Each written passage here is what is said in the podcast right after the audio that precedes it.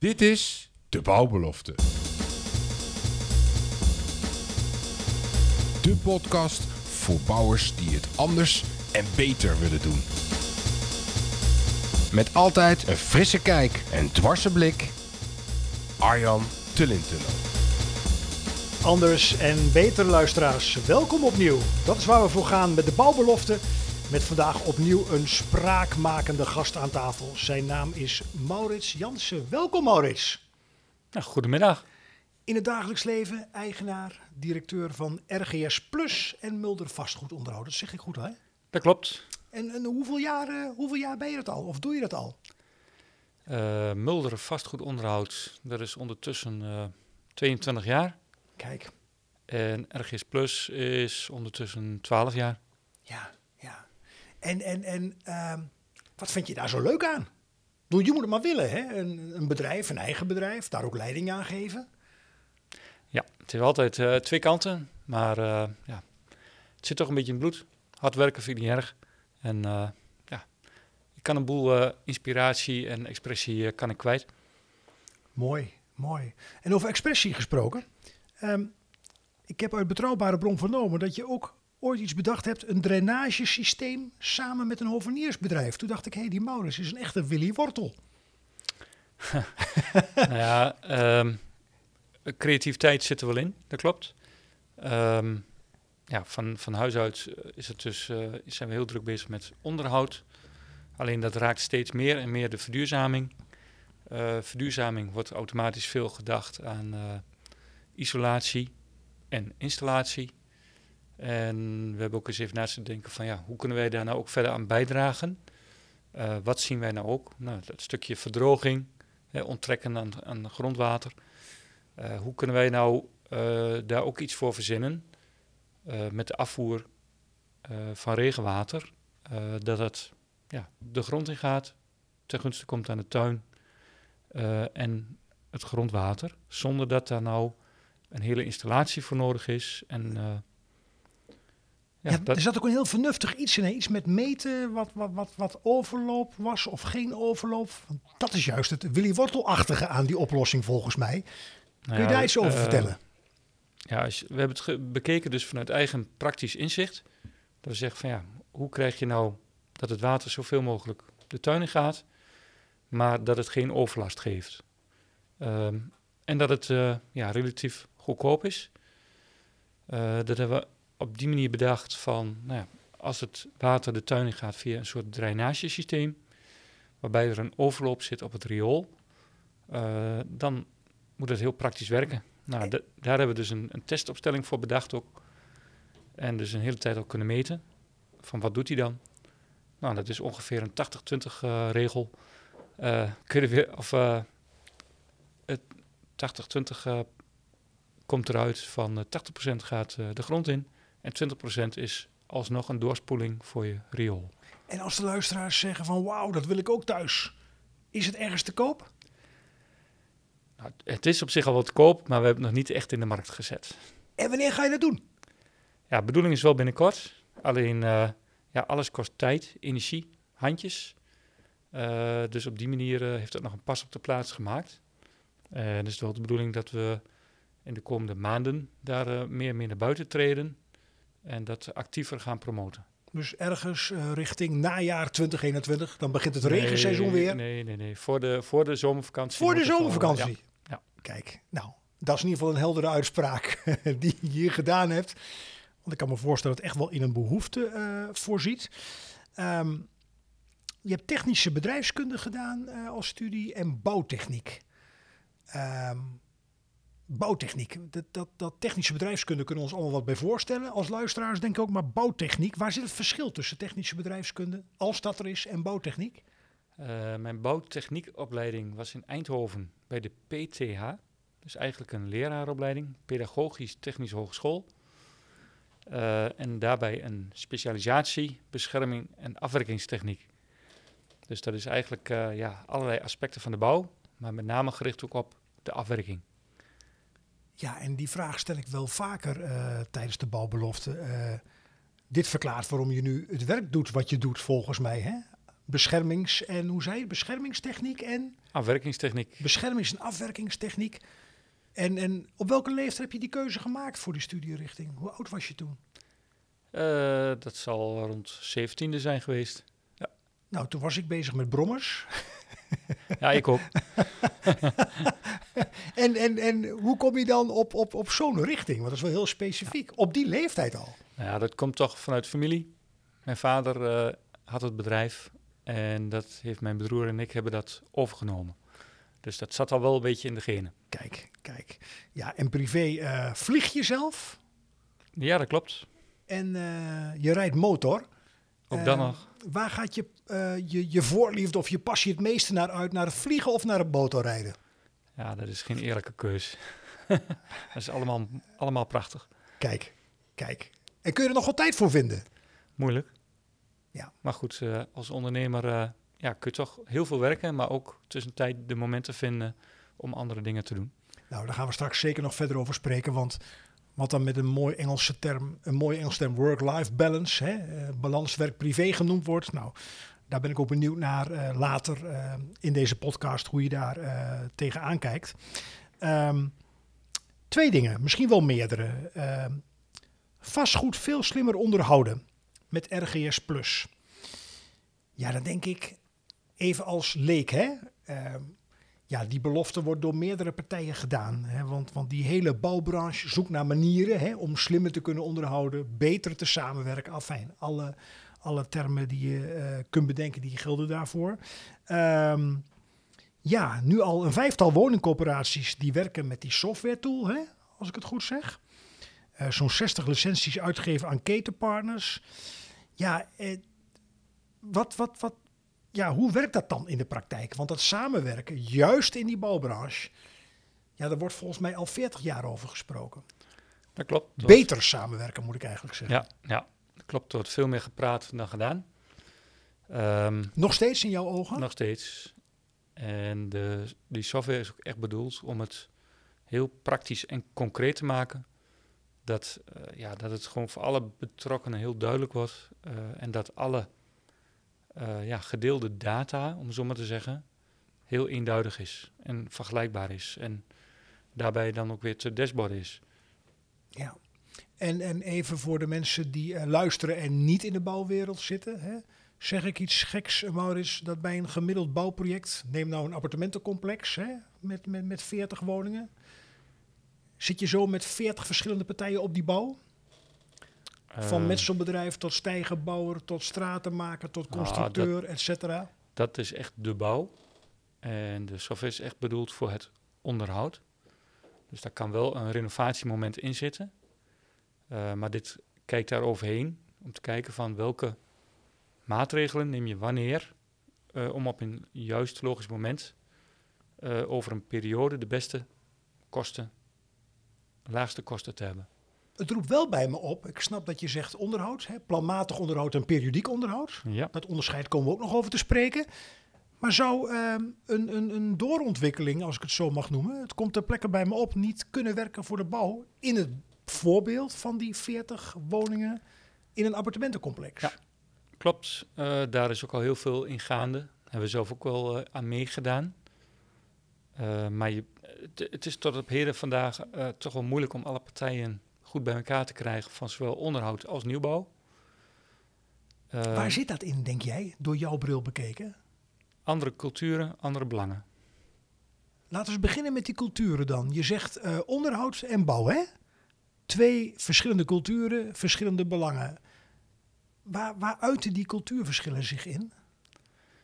Ehm, nou, met de bouw wordt gekeken van nou ja, hoe kun je dan zo goed mogelijk een project maken en afronden en opleveren.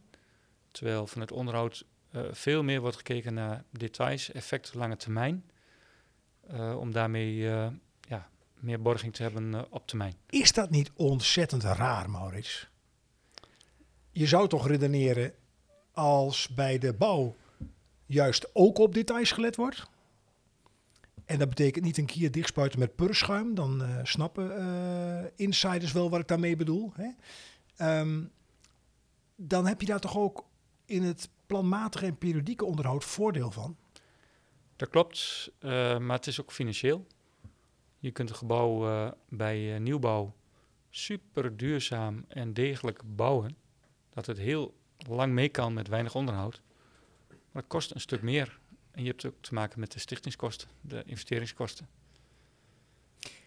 Wie draait hier nou wie een rad voor ogen? Ehm, nou Even als sector, hè? zo bedoel ik mijn vraag. Ik bedoel, eh, goedkope stichtingskosten, dat hoor ik je zeggen. Vul me aan als ik het verkeerd vertaal. Hè? Dan weet je dat je aan de onderhoudskant meer geld uit te geven hebt. En we hebben allemaal de mond vol over circulariteit, over duurzaamheid, over energietransitie. Nou, aan termen geen gebrek. maar uiteindelijk wordt er nog steeds zo goedkoop mogelijk ingekocht. Misschien een beetje prikkelend gesteld. Zo goedkoop mogelijk ingekocht en zo goedkoop mogelijk gemaakt. ja, daar komt het wel op neer. Het gaat allemaal om eh, kosten en rendement. Ja, ja, ja. En dan zit je meer op de belangenkant, hè, als ik je goed begrijp. Ja. Net had je het over cultuur. En je nog goed, eh, kijk, als je daar goed over na gaat denken Ja. en kijkt hoe bepaalde detailleringen beter kunnen, ja, wie heeft daar belang bij? En krijg jij door jouw bril bekeken ehm, met collega's, goedwillende collega's, ehm, ook gehoor voor dat denken? Want je zou toch denken, potjandozi, dit moet toch al lang gemeengoed zijn in die hele bouwwereld? Ja, je ziet eh, nu eh dus steeds meer, eh, ja, wordt veel meer aandacht besteed aan het eh, ja, vooruit engineeren voordat er gebouwd wordt. Dus dat heel veel ja, detailleringen eh, al heel goed kloppend zijn voor de bouw. Dus dat is een verbetering. Dat is een enorme verbetering. Mooi. Dus er wordt steeds minder in het werk een oplossing bedacht. Ehm, en juist in de bestaande bouw, eh, daar kom je van alles tegen. En daar heb je ook een moment van wanneer ga je eh, verbetering uitvoeren of verduurzaming toepassen. En ja, daar is onze software ook eigenlijk voor bedoeld om te kijken van eh, wat zijn logische onderhoudsmomenten en past dat ook samen met bijvoorbeeld een verduurzamingsmaatregel? En hoe komt het dan uit in de tijd met de gemiddelde kosten voor het onderhoud per jaar? Oké, oké. En daarmee zeg je ook dat ehm, woorden als samenwerken en, en resultaatgericht, is dat een beetje de norm geworden of aan het worden? Eh, nou ja, norm nog zeker niet, eh, maar er wordt wel steeds beter over nagedacht en gekeken waar men kan samenwerken. Het komt wel, misschien onbedoeld Maurits, op mij en mogelijk ook op luisteraars wat als vrijblijvend over. Ehm, nou ja, vrijblijvend. Kijk, moment dat je dat borgt met eh, KPI's, hè, dus prestatieafspraken, dan kun je dus prima een prijs-prestatie afspreken. Dus kijken van welke maatregelen wanneer op een eh, goed moment kunnen uitgevoerd kunnen worden, zodat die kosten zo goed mogelijk in de hand eh, blijven. Maar daarnaast ook ja, KPI's daaraan verbinden, kritische prestatieindicatoren, zodat het ook geborgd is. Kun je een voorbeeld noemen voor de mensen die daar minder in thuis zijn van, van zo'n KPI, die ook nog eens eh, bij iedereen eh, hetzelfde oproept, als je snapt wat ik bedoel? Nou, om even dicht bij huis te blijven, hè, Ja. dus het schilderwerk. Ehm, ja, eh, het liefst heb je technisch gezien, of tenminste economisch gezien, een zo lang mogelijke cyclus en zo min mogelijk schilderwerk, want het kost geld. Andere kant wil je wel een mooie verflaag die glimt en eh, dus geen gebreken vertoont. Een KPI kan dus zijn dat je het schilderwerk eh, niet mag poederen. En poederen voor de leken onder ons, Eh, die, wat dus niet, dat eh, in? niet mat mag zijn, hè, dat hij moet glimmen. Ja. Eh, geen- Gedurende bijvoorbeeld eh, een KPI kan dan zijn. ehm, het, het geschilderde oppervlak mag niet poederen eh, binnen vier jaar, ik noem maar iets. Ja, of gewoon niet. En dat geldt ook bijvoorbeeld voor eh, ramen en deuren. Hè, mogen die klemmen of niet klemmen? Eh, daar kun je afspraken over maken. En krijg je dan niet een enorme eh, waslijst aan KPI's? Ehm, dat kan. Je kunt het ook wel beperkt houden tot een aantal belangrijke. En omdat je met elkaar dezelfde intentie hebt en ook belang hebt om het in stand te houden, dat je niet bij een volgende onderhoudsbeurt heel veel kosten hebt, ja, dan eh, En hoeveel KPI's praat je dan over? ongeveer, zo door de band Eh, genomen. Nou, 15 tot 20. En dat is werkbaar, als ik jou goed Dat begrijp, goed eh, in de Ja, hoor. praktijk. Ja, ja, ja. Ook als je kijkt naar de, de, de, de, de sector waar je in zit, dan gebeurt daar volgens mij ehm, nog steeds heel veel op papier. Is dat juist, dat beeld? Dat verandert heel hard. Hè, dus ik zie heel, heel enorm eh, een omslag naar eh, digitaal. Eh, maar vaak zijn het wel allemaal losse bestanden. Die gedeeld worden. Het zijn via mail of met een Dropbox. En hoe zou je dat dan... mag ik daaruit afleiden dat dat heel tijdrovend is eigenlijk? Dat is heel tijdrovend. Ehm, vooral met Excel worden heel veel berekeningen gemaakt, eh, plannetjes gemaakt. Ja, dat is niet makkelijk over elkaar heen te leggen en eh, te vergelijken. Eh, en heel foutgevoelig. En dan is het werken met een database is veel handiger. Je zou toch zeggen, stel dat ik actief ben in de bouwkolom en ik zit in het onderhoud als dakdekker. Valt er ook onder onderhoud bijvoorbeeld? Jazeker. Ja. Nou, als dakdekker dan zou ik toch zeggen, joh, goed verhaal Maurits en anderen, dat gaan we gelijk doen, help me daarbij. Ja, dat klopt. Alleen, alleen ehm, als ik een verkeerde aanname doe, dan zeg het eh, Maurits. Ehm, want de luisteraars kunnen je niet zien en ik wel. Ehm, de praktijk is anders volgens mij. Dat leid ik praktijk duidelijk is af uit je... eh, zeker anders. Eh, we hebben te maken met eh, nou, natuurlijk heel veel mensen en ook ingesleten gewoontes.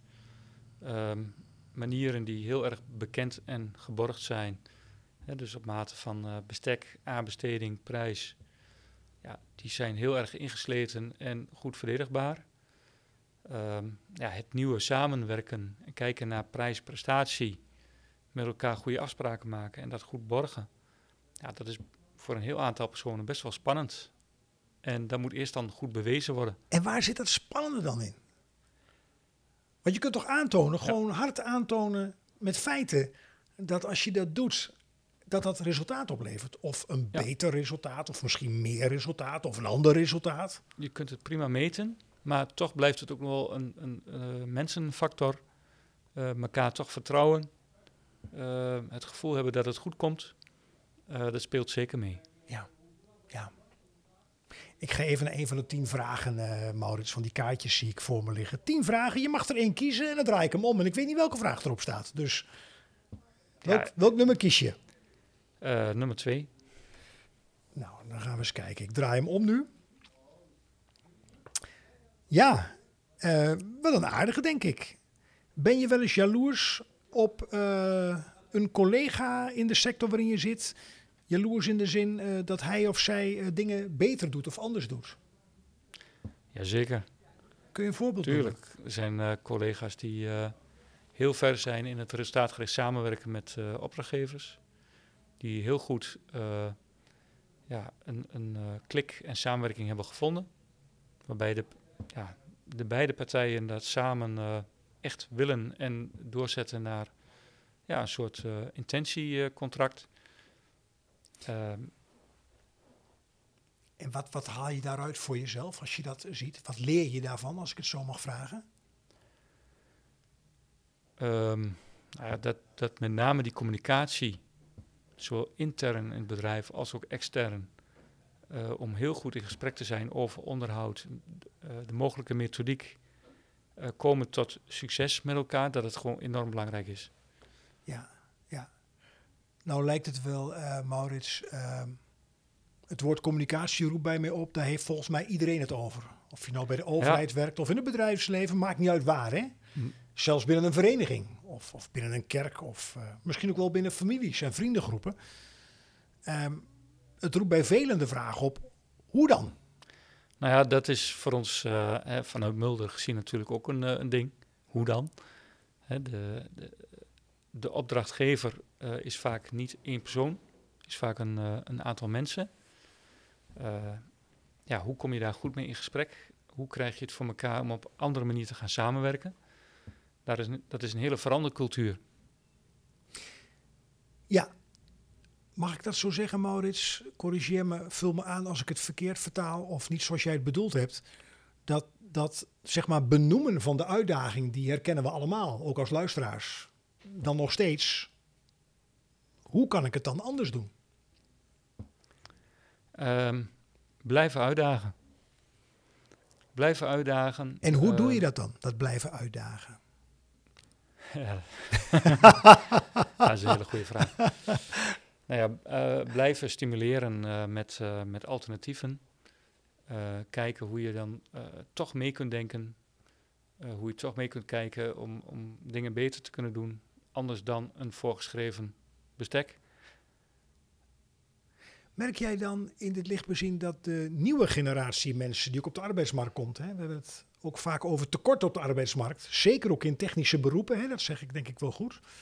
Ehm, merk je dat die daar anders in zitten? Nou, die zitten in ieder geval Denken nog die niet, eh, vrijer bijvoorbeeld? Die denken wel eh, vrijer, absoluut. Ja, en in jouw beleving, zonder ehm, wat ik ga vragen, is niet bedoeld als, als oordeel of zo, verre van dat. Maar als je kijkt naar de gemiddelde leeftijd in de, in de, in de bouwwereld, ja, is dat dan een beetje door jouw bril bekeken in balans eh, tussen meer ervaren, minder ervaren, jonger, ouder? Nou, ja, de, Vul maar in. De eh, merendeel is wel eh, nou ja, ouder. Ja, wat is ouder? Maar Ehm, ja, er mocht voor mij wel wat meer jeugd bij. Ja. Dat klopt. En merk jij dat ook vanuit het onderwijs, dat, dat er toch op een moment meer, meer nou ja, jeugdige instroom eh, komt? Ehm, nou, in de opleidingen, eh, je ziet opleidingen ook opdrogen. Dus echte vakopleidingen. eh, Opdrogen? wat minder. En ja, daar komen de, komt de jeugd, zeg maar, die komt ook weer anders binnen. En die moet ook in het werk alles leren. Waar, waar, waar zit dat opdrogen dan in? Want dat zou je gerust een zorgelijke ontwikkeling kunnen noemen. Ja, dat klopt. Als je kijkt naar de middelbare vakopleidingen. eh, in mijn opleidingstijd waren er daar drie van in Nederland en er is er nu nog één. Dus dat wordt echt eh, minder. En, die specialismes die veranderen dan ook. Hè, dus daar waar de meeste vraag ligt. Dus echt eh, mensen die echt ja, worden opgeleid voor het onderhoud aan vastgoed. En na kunnen denken over eh, onderhoudsscenario's en de invloedsfactoren van ja, wanneer is welke onderhoudscyclus nodig en wat gaat het kosten. Ja, dat is wel een, een ding. En daar is ook een boel ervaring bij nodig. mag je zeggen, Maurits, dat ehm, zeg maar de maakberoepen, als ik het zo mag noemen, dat die in ons land helaas ehm, aan waardering flink hebben ingeboet? Absoluut. Hoe komt dat volgens jou? Want er zijn landen, ook binnen Europa, ik hoef maar aan Oostenrijk te denken, waar eh, een timmerman, eh, nou, bij wijze van spreken hetzelfde aanzien in het dorp geniet als een arts bijvoorbeeld. En waar jongeren in de rij staan, eh, met name in het meest westelijke puntje van Oostenrijk, tegen de Zwitserse grens aan, waar jongeren in de rij staan om gewoon een ambacht, alleen dat woord al, hè, om een ambacht te leren. Nou, Oostenrijk is toch ook een welvarend land? Ja. Kun je vergelijken met Nederland qua niveau op alle fronten. Heb jij een idee waardoor dat komt? Die zeg maar devaluatie van beroepen waar je gewoon een goed vak beoefent, met je handen de kost verdient. Ehm, ik denk dat het deels ook te maken heeft met, eh, met de overheid. In welke Eh, zin? vakmanschap is behoorlijk losgelaten. Iedereen die kan een, een timmerbedrijf beginnen. Je hebt niks geen eh, verplichte Geen ambachtsopleiding nodig. Ja, En dat is natuurlijk wel kwalijk. ja. Hè, waarom heeft een arts wel een bepaalde opleiding nodig en een timmerman niet? Zit er ook iets eh, in jouw ogen bij, bij, bij ouders die kinderen maar stimuleren om vooral door te studeren en bijvoorbeeld universiteit te doen? Ehm, daar zit ook wel wat in. Maar ik moet wel zeggen van het is wel heel erg aan het veranderen. In welke zin? Eh, nou, de, de hele bouwmethode. eh, kijk naar onderhoud. Ehm, dus ik, ja, ik denk dat het een tijd geweest is, maar dat het nu niet meer per se is dat iemand, eh, dat ouders zeggen van, eh, dat de kinderen per se een kantoorbaan moeten hebben of zo. Dat geloof ik niet. Oké, oké, mooi. Even iets in de privésfeer tussendoor, eh Maurits. Waar word je blij van, worst of nootjes? Ja. ah, doe maar lekker stukje worst. Kijk, kijk. Ben je een vroege vogel of een uitslaper? Ik ben wel een vroege vogel. En wat is dan vroeg? Voor mij, nou ja, normaal zes uur op. En hoe laat begin je dan met werken? Ehm, ja, uur of zeven, tussen zeven en half acht. Ja, ja. We hadden het in het begin al even over die eh, werk-privé-balans. Hè? Ehm, ja, eh, je bent eigenaar, je hebt een, eh, de verantwoording voor, voor de mensen hè? waar, je, waar je werk aan geeft. Dankzij klanten die tevreden zijn over jullie, dat hoop ik tenminste. Maar hoe ga jij om met die werk-privé-balans? Want iedereen heeft daar een mond vol van. Maar hoe doe je dat dan? Ook hier geldt weer die hoe-vraag. Ja, hoe doe je dat? Eh, ik heb gelukkig wel eh, een eh, vrouw die heel begripvol is. Dat ik natuurlijk veel aan het werk ben. En ik probeer ook wel voor te waken dat ik ja, ook op, in het weekend, bepaalde avonden, dat ik in ieder geval ook thuis ben. Eh, en ook gezamenlijke dingen doe. Ben je dan zo iemand die s'avonds nog om tien uur mailtjes gaat sturen naar eh, je mensen? Het is erg actueel Eh, namelijk, deze nee, tijd. Nee, ik probeer er wel een beetje, daar pas ik wel voor op. En stel dat ik toch eh, nog aan het werk ben en eh, dat het voor mij handig is om dingen af te werken en mailtjes te versturen, dan kun je een mailtje ook eh, eh, direct meegeven dat die de volgende dag eh, bezorgd wordt. Ja. Dus je wil niet onnodige druk Nee, leggen dat mensen zich verplicht voelen om toch maar Nee, hoor. s'avonds nog op de mail te zitten of in het weekend. Nee, absoluut niet. Ja. Ik vraag wel verantwoordelijkheid van iedereen, maar ik ga ze niet eh, te pas en te onpas eh, bestoken met allerlei eh, mailtjes. Nee. Ja. En dat moeten ze bij jou dus ook niet doen als ik het goed Nee. beluister. En, eh, als dat een aantal mensen zijn bij, wie ik dat wel doe, die weten dan ook wel eh, dat ze daar ook echt niet eh, direct op hoeven te reageren of eh, dat soort dingen. Nog één of-of vraag eh, die zo even boven komt. Wat vind je leuker, sporten of Netflixen? Sport. Waarom sport? Want er komt er vol overtuiging uit. Nou ja, eh, echt eh, tv kijken ben ik niet. Daar heb ik ook geen tijd voor. En ehm hè, leuke film is, is op zijn tijd natuurlijk best wel leuk. Maar ja, ik ben liever sportief bezig. En niet dat ik super sportief ben. Wat doe je zo? Maar, Wat voor sporten doe je? Ja, niet veel. Maar eh, gewoon eh, actief bezig zijn met, eh, nou ja, ook al is het wandelen. Nou ja, goed, motorrijden is ook niet echt sportief dan, maar gewoon wel bezig zijn, fysiek, is absoluut voorkeur boven voor de tv hangen. Oké. Ja. Grappig. Ja. Even terug naar RGS. Hè? Ehm, je doet een soort van belofte dat iedereen in dezelfde taal communiceert. Nou, ik dacht toen ik het las, als daar het recept voor is, dan los je alle wereldproblemen op. Hoe doe je dat? Iedereen laten communiceren in dezelfde taal. Lijkt mij een haast onmogelijke opgave. Ehm, nou, iedereen is, elk bedrijf is zoals die is. Eh, maar het gaat erom dat ehm, als je uiteindelijk echt wil samenwerken en uiteindelijk ook gezamenlijk wilt communiceren met dezelfde gegevens, dat je dan ook de data ook op, de op dezelfde manier ja, moet gebruiken. En dat het voor de opdrachtgever ook gewoon heel goed meetbaar is. Ehm, ja, dus echt dezelfde taal spreken, dat is natuurlijk eh, eh, helemaal utopie. Maar je kunt wel eh, in dezelfde formats inspecties doen, in dezelfde formats onderhoudsscenario's uitdenken. In dezelfde periodes en met bedragen in. Merk je daarin dat mensen daar weerstand op hebben? Anders gezegd of gevraagd, stel eh, ik ga ermee werken, dat het gezien wordt door de mensen zeg maar, op de vloer die het werk doen, eh, ook goed werk doen, dat die het als een soort gedwongen iets zien. Snap je wat ik bedoel? Oh, nou moet ik mee in dat format. Dat soort geluiden. Ehm, nou, dat is verschillend. Dat, dat kan.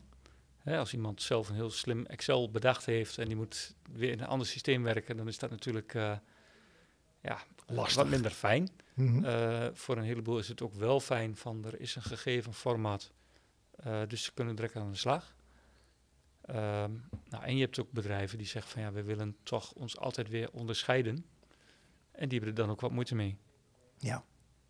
En als je zo kijkt in de, naar de ervaringen die je ermee hebt opgedaan hè, de afgelopen jaren, jij en vele anderen. Wat zijn dan ehm, de lessons learned, zeg maar, met de kennis en de inzichten van nu? Kun je daar wat over vertellen? Ehm, ja, hoe meer je bezig bent met eh, ja, die ontwikkeling, hoe meer je er ook achter komt dat het nooit af is en alleen maar harder gaat. Dus eh, ja, het, eh, de hele, ja, het samenwerken, de manier van hoe je gegevens ook uitwisselt, de ontwikkeling van techniek. Het gaat eigenlijk alleen maar sneller en sneller. En dat vergt dus continu eh, aanpassing. En ehm, ja, dus eh, eh, vernieuwende inspectiemethodes. ehm, ja, hoe je makkelijker nog weer data kunt uitwisselen met elkaar. Dat is continu in beweging. Kan het ook zo zijn, Maurits, dat mensen onbedoeld strakker op de spelregels gaan zitten? Dat de regeltjes als het ware tot doel verheven worden, terwijl je iets anders beoogt? Nee, nee, nee. Het komt er wel steeds meer op neer van... Natuurlijk wil je alles borgen in vaste straminen. eh, maar je moet wel met elkaar ook echt de intentie hebben... om samen te werken en er met elkaar het beste van eh, te maken. En niet proberen eh, ja, om daar eh, economisch zo snel, eh, zo slim mogelijk uit te komen. je moet echt de intentie hebben om met elkaar ook echt eh, samen te werken... en dat ook eh, langdurig te willen doen. En hoe verhoudt zich, hoe verhoudt zich dat, het woord samenwerking, ten opzichte van het woord concurrentie? Ik kan me voorstellen dat er wel eens frictie tussen zit. Jazeker. Je en, zit... en eh, hoe, hoe, hoe uitzicht dat? Ja, het is op dit moment is zo van ja, bij de ene eh, eh, werkzaamheden zit je in concurrentie. En bij de andere werkzaamheden weer in samenwerking. Dat is natuurlijk, ja, staat haaks op elkaar. En dat maakt het best wel eens lastig. Waar, dat is interessant wat je zegt. Waarom, waarom staat er haaks op elkaar? Of is dat oud denken, als je mijn vraag begrijpt? Nou ja, ehm, uiteindelijk, alle bedrijven zijn gebaat bij een stuk continuïteit. Ehm, je wilt het liefst eh, dan, nou ja, je ding doen eh, samen met je opdrachtgever. Eh, en als dat van tevoren dus wat meer ook al verdeeld is en je kunt met elkaar eens goed nadenken van nou, hoe kun je het dan op een zo handig mogelijke manier doen en wie heeft wat bedacht en kunnen de ketenpartners daar ook allemaal hun voordeel mee doen? Of gaan bedrijven dat echt voor zichzelf houden en zelf daarmee proberen weer onderscheidend te zijn? Is dat niet heel old school denken? Dat laatste. Maar ja, dat is de praktijk.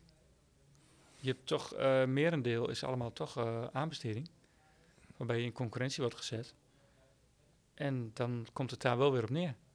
Dus eigenlijk, ehm, je zegt het niet expliciet volgens mij, maar je zegt eigenlijk, hé, hey, we willen eigenlijk dat er meer kennis gedeeld wordt. Wat je in de automotive, schiet me zo te binnen, in de autobranche al veel meer ziet dan een paar jaar geleden. Dat merken als Mercedes en Volkswagen gewoon samenwerken op technische aspecten. Wat vijf jaar geleden ondenkbaar was en tien jaar geleden helemaal ondenkbaar. Maar door het aanbestedingsregime wat later niet omheen draaien, gewoon nog gaat om de goedkoopste prijs. Ook al wordt het ontkend door eh, aanbestedingsopstellers. Ehm, ja, eigenlijk houdt het aanbestedingsregime ehm, kennis delen en samenwerken, zet er eigenlijk de rem op. Dat is een interessante zienswijze. Nou, dat klopt.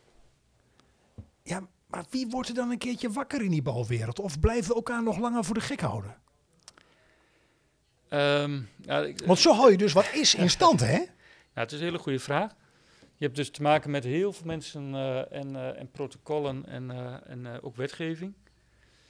Ehm, soms is aanbesteding verplicht. Lang niet altijd, maar dan moet er iedereen ook wel over eens zijn dat men echt ook samen wil werken. En daar de voordelen ook van inzien. En dat is wel een heel langzaam proces. Waarbij dus ook heel wenselijk is dat er meer eh, jeugd eh, bij komt. Die dan wat verfrissender, wat nieuwer er tegenaan kijkt.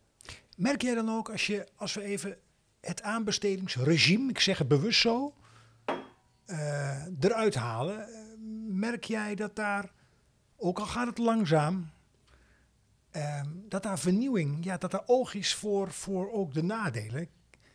Ik heb de indruk dat het hele aanbesteden, los van de bouw, en andere sectoren zie je het ook, is gewoon op papier een, een, een ideale oplossing. Maar insiders en de praktijk, als bouwclub vertrekken we altijd vanuit de echte praktijk, weten gewoon dat het om de prijs gaat. Nou ja, kijk, op zich, eh prijs is geen, geen eh, probleem. Dat, eh, dat is op een andere manier samenwerken ook. Alleen ga je dan veel meer naar prijs-prestatie kijken in plaats van puur prijs. Dus degene die het bedacht hebben, hebben beoogd. Kijk, er zijn natuurlijk excessen geweest in het verleden. Hè? Dus, dus we kunnen allemaal wel begrijpen hoe het ontstaan is. Alleen, wat is dan meer waard? Dat je juist gaat samenwerken, dat je kennis deelt, et cetera, Of dat je een bepaalde toch wel rigide regelgeving in stand houdt? En is Bouw het Nederland, het komt zo op eh, in jouw ogen of door collega's, daar ook voldoende mee bezig? Ik hoor of lees er niks over, maar dat kan aan mij liggen.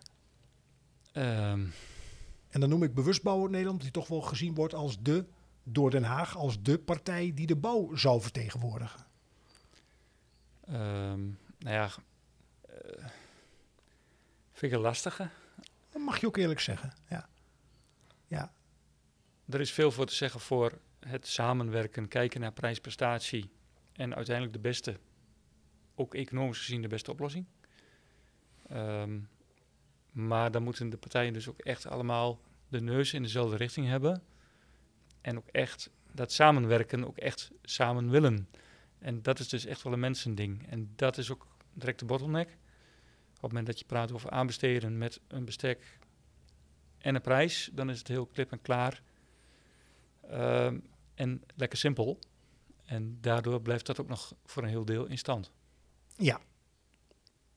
Dus alleen al op dit punt zou je voorzichtig kunnen concluderen. Ik zeg nadrukkelijk voorzichtig dat we willen graag vernieuwen. We hebben de mond er vol van. Een beetje seminar of congres gaat er wel over. Maar zo hou je, als je naar het systeem kijkt, Nou ja, het goed. kip-ei verhaal het wel in stand. Kijk, we hebben natuurlijk eh, heel lang gehad dat er heel veel aanbod was. En dat het ook heel mooi, makkelijk systeem was.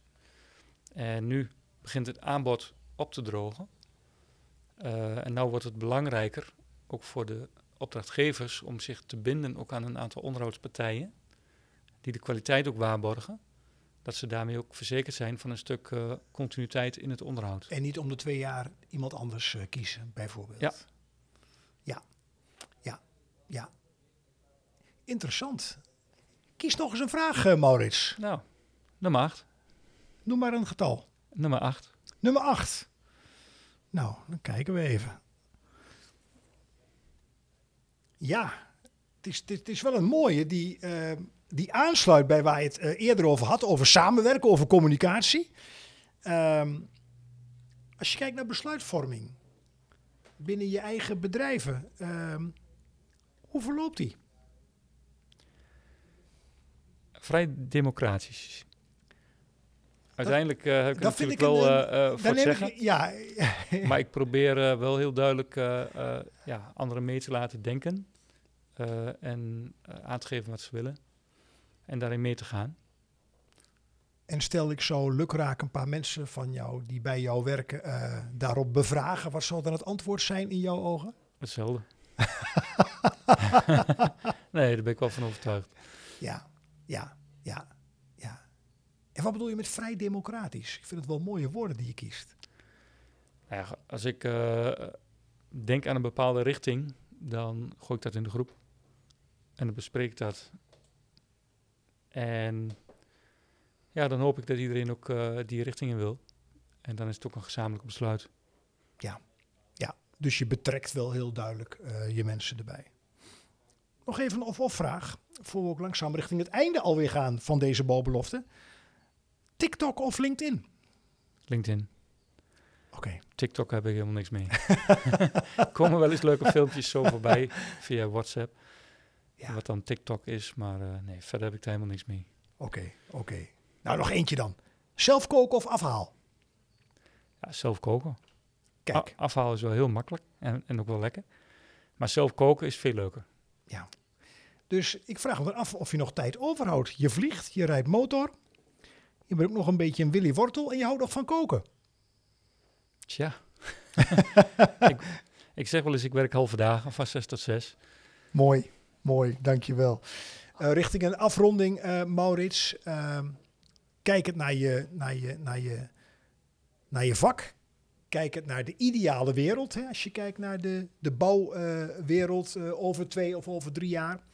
Um, het mooie van een wens doen is dat het niet uit hoeft te komen. Als je kijkt naar waar je voor staat, hè? vanuit je studietijd, vanuit je interesse, uh, waar hoop je dan dat de bouwwereld over een jaar of twee echt in veranderd is?